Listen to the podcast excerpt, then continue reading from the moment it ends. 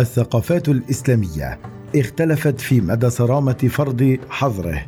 الخمر صانع الإبداع الإسلامي. للكاتب عثمان أمكور. منذ ما يقارب ثمانية ألاف سنة قبل الميلاد بدأت تتشكل ملامح الحضارة في منطقة الهلال الخصيب التي تضم كلا من مصر وسوريا والعراق ولبنان وفلسطين والأردن وبعض نواحي تركيا وبلاد فارس. وذلك راجع إلى استقرار بعض الصيادين وجامعي الثمار والبذور وزارعيها. أنتجت عملية الزراعة محاصيل تكفي للحفاظ على الاستقرار وتساهم في نمو السكان وأدى تكرار هذه العملية إلى تمكن الإنسان العاقل من إحداث ثورات زراعية. النبيذ أصل الحضارة البشرية. يرى أستاذ الفلسفة والحضارة في جامعة كولومبيا البريطانية في كندا وصاحب كتاب حالة سكر. كيف ارتشفنا ورقصنا وتعثرنا في طريقنا إلى الحضارة. الصادر سنة 2021 إدوارد سيلينجرلاند. أن وفرة المحاصيل جعلت الفلاحين يبحثون عن سبيل لتخزين محاصيلهم تجنبا لمواسم الجفاف أو القحط التي يمكن أن تضربها. وتحد من وفرتها. ولاحظ الناس عبر هذه الممارسة أنهم إذا تركوا حبوب القمح في الماء فإن الخليط سيتحول إلى شيء مختلف تماما يمكنه أن يجعل الجميع منتشيا. ويضيف لرصيف 22 في وقت ما بعد إتقان الزراعة. بدأ البشر أيضا بصنع البيرة واحتسائها وهو ما يجعل إنتاجها حدثا غير مقصود تابعا من اختراع الإنسان للزراعة إلا أن هناك من يعارض هذا الطرح ويرى أن الإنسان عرف الجع قبل الخبز فلولا أما التي عرفها الإنسان حتى قبل مرحلة استقراره لأجل الزراعة شهدت وجود علامات تشيء بوجود الخمر وهو ما يمكن لمسه في مكان مثل جوبكلي تابي في تركيا. كما وجدت اكتشافات في شمال شرق الأردن يمكن عدها دليلا على أن الإنسان عرف صناعة الجعة منذ 14400 عام أي قبل ظهور الزراعة بما لا يقل عن 4000 عام. فالجعة والخمر كانتا مرتبطتين بالأعياد الجماعية والطقوس الدينية. وبغض النظر عمن سبق إنتاج الجعة والخمور أم دخول الإنسان العصر الزراعي؟ فإن ارتباطهما كان كافيا حسب سلينجرلاند. لجعل قيمة الخمر الحضارية ترتفع فلو كانت الزراعة هي أساس الحضارة فإن الجعة والخمور كانتا المحفز وراء توفير حياة زراعية مستقرة. زيادة على ذلك فإن المسكرات لم تساهم في بناء الحضارة فحسب ولكنها ساهمت في تحضر الإنسان إذ قدمت المسكرات الشرارة الأولى التي مهدت لتكوين مجموعات بشرية كبيرة الحجم وهو ما مهد لتراكم التقنيات الجديدة. وتاليا خلق حضارات مترامية الأطراف جعلت من الإنسان الكائن المهيمن على هذا الكوكب. وبعبارة أخرى فإن ديونيسوس إله الخمر في ميثولوجيا الإغريقية هو مؤسس الحضارة. لم تكن المسكرات الدافع وراء خلق الحضارة. من خلال تحفيز المزارعين الأوائل على استقرار وإنتاج حبوب للتخمير فحسب. ولكن المسكرات كانت أيضا حسب سلينجرلاند مادة مهمة جدا لإدارة الإجهاد النفسي الذي كان يعرفه الإنسان بفعل التغيير الدراماتيكي الذي شهده في نمط حياته. ويضيف أنه بحكم أن الحضارة المقرونة دائما بالإبداع فلطالما ارتبط المبدع في مختلف الحضارات بالمسكرات فالنبيذ في الثقافة الصينية التقليدية لعب دورا في تحريك الخيال الفني وتحفيز الشعراء والمبدعين نحو أفضل لحظاتهم الإبداعية. بصيغة أخرى أن تكون مخمورا في الصين فهذه خطوة إلى الأمام نحو الإبداع. هذا التصور ليس حكرا على الثقافة الصينية للإغريق قول مأثور مفاده إذا ملئت الأكواب بالماء فلن تكتب الحكمة. لكن النبيذ هو حصان باراناسوس الذي يحمل شعيرا إلى السماء فيما نجد أن كفاسير إله الشعر والإلهام الفني في ميثولوجيا الإسكندلفانية يحمل اسمه معنى البيرة القوية فقد كانوا يعتقدون أن دمه اختلط بالخمر لينبع منه فيض الإلهام وحسب هذه الميثولوجيا يمكن لشارب الخمر وحده تأليف الشعر وإنتاج الحكمة.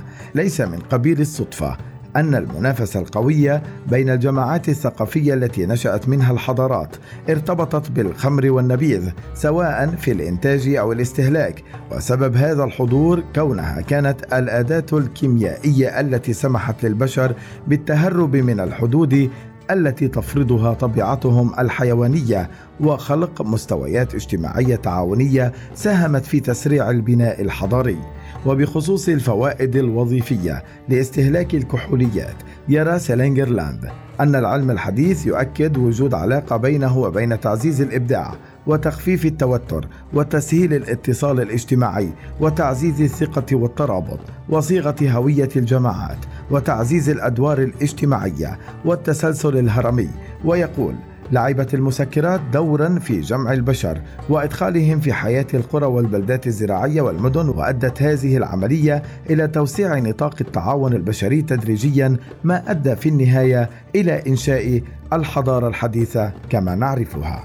هذه العلاقات الترابطية بين المسكرات والحضارات. لم تكن حكرا على الحضارات القديمة فحسب بل شملت الحضارات الحديثة أيضا. وفي هذا الصدد يروي سلانجرلاند حادثة وقعت معه حينما كان يقدم بعض الدراسات حول ارتباط الكحوليات بالإبداع في حرم شركة جوجل. فور انتهائي أخذوني إلى غرفة الويسكي الخاصة بالشركة وقاموا بوصف هذا المكان على أنه الملجأ الذي يلجأ إليه المبرمجون وموظفو الشركة لاستحضار الإلهام وتخفيف الضغط. من أجل مواصلة العمل. غرفة الويسكي الموجودة في شركة جوجل هي مساحة مشتركة غير رسمية استخدمها المبرمجون كمكان للإبداع على شاشاتهم من أجل البحث عن حلول جديدة إبداعية لمشكلاتهم وهو ما نلمسه في كون الحضارة المعاصرة كذلك. لا زالت ترى أن الأماكن التي تعرف وصولا سهلا إلى الكحوليات تكون بمثابة حواضن قوية للإبداع الجماعي. الإسلام والخمر بين الصرامة المتخيلة والمرونة الواقعة.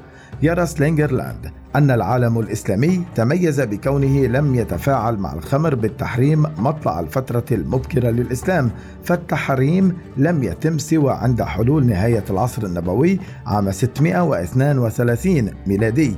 ويضيف لا يمكن إنكار أن الإسلام كان ناجحا للغاية في لعب دور في التطور الثقافي للمنطقة العربية خاصة وهو ما تجلى في تحويل القبائل البدوية في شبه الجزيرة العربية. بفعل الإسلام إلى حضارة كبيرة تهيمن على مساحات شاسعة من القارة الأوروبية وجنوب شرق آسيا وشمال إفريقيا. وبرأيه كان أحد الأسباب الازدهار الحضاري الذي عرفته الحضارة الإسلامية هو كونها امتدت إلى كل من بلاد ما بين النهرين والشام وهما من أقدم الأقاليم قدما وخبرة في صناعة النبيذ والخمر بالإضافة إلى احتكاك المسلمين بالثقافات والشعوب المتصالحة مع شرب الخمر والنبيذ مثل المسيحية والكونفوشيوسية والفايكنج وعرب منطقة الشام والعراق وهو ما ساهم حسب رأيه به في خلق تنوع ثقافي أدى إلى اثراء البناء الحضاري الإسلامي. هذا الاحتكاك ساهم حسب سلانجرلاند في جعل الثقافة الإسلامية مرنة مع شرب الخمر على عكس ما تظنه الغالبية، وهذه المرونة تجلت في نظرة الصوفيين إلى الخمر، إذ يرى البعض منهم أن الخمر محفز على الارتقاء الروحي الذي يجسد لب الممارسة الصوفية، وهو ما يمكن لمسه كذلك في تسامح الناس مع شرابي الخمر داخل الحضارة الإسلامية ويضيف أنه على الرغم من الحظر الديني لشرب الخمر فإن الثقافات الإسلامية اختلفت تاريخيا بقوة في مدى صرامة فرض هذا الحظر. في معظم الثقافات الإسلامية يسمح باستهلاك الخمر في الفضاءات الخاصة.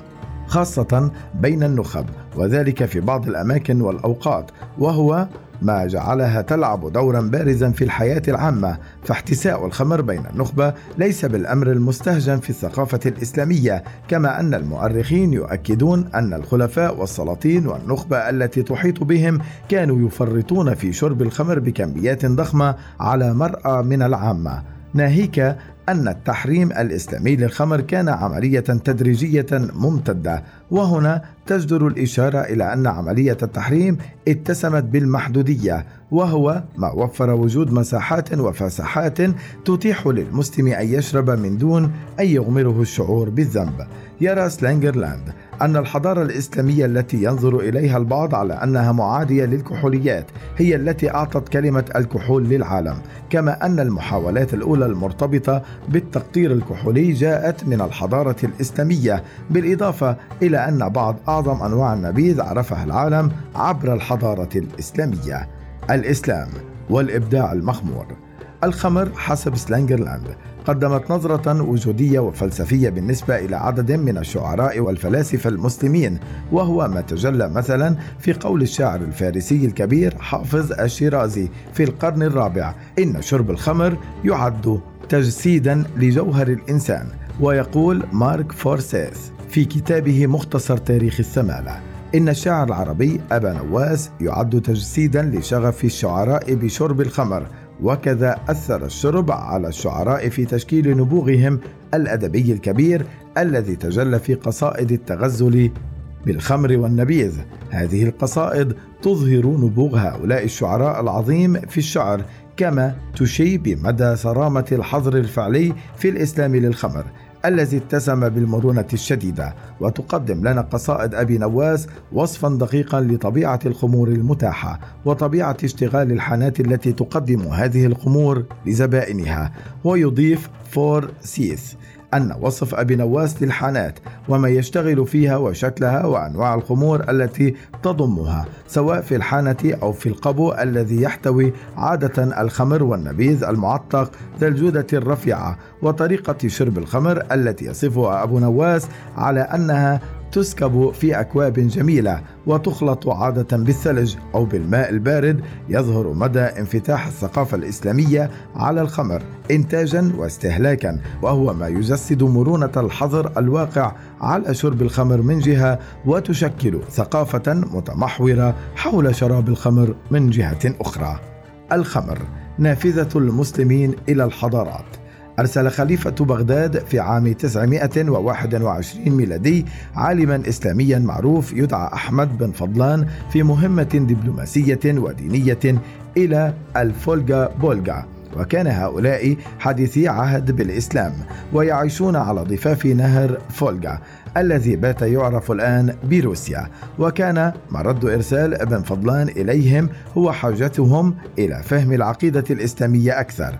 يقول سلانجرلاند إنه على امتداد الطريق واجهت البعثة مجموعة من الفايكنج الذين أعجب ابن فضلان بهم بسبب طولهم وضخامة أجسادهم لكنهم في الوقت نفسه أثاروا استغرابه جراء عاداتهم وإبرازهم شربهم الخمر بطريقة مفرطة وكتب واصفا إياهم بأنهم غالبا ما يموت أحدهم وكأس الخمر في يده. ويضيف سلانجرلاند إن مراد إفراط شربهم كان لاهوتيا فاسم إلههم هو أودين الذي يعني المنتشي أو السكران.